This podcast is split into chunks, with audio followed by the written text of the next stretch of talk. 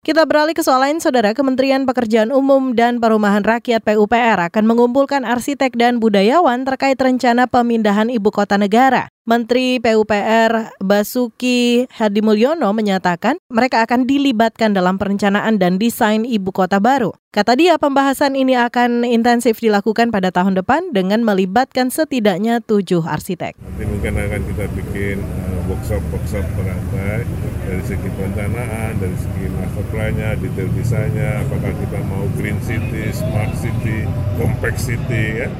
Karena ini akan membangun kota baru. Tapi kegiatan itu akan intensif tahun 2020. Menteri PUPR Basuki Hadi Mulyono menambahkan pembangunan ekonomi ibu kota baru hanya sebagai pelengkap. Ini lantaran pusat bisnis akan tetap berada di Jakarta.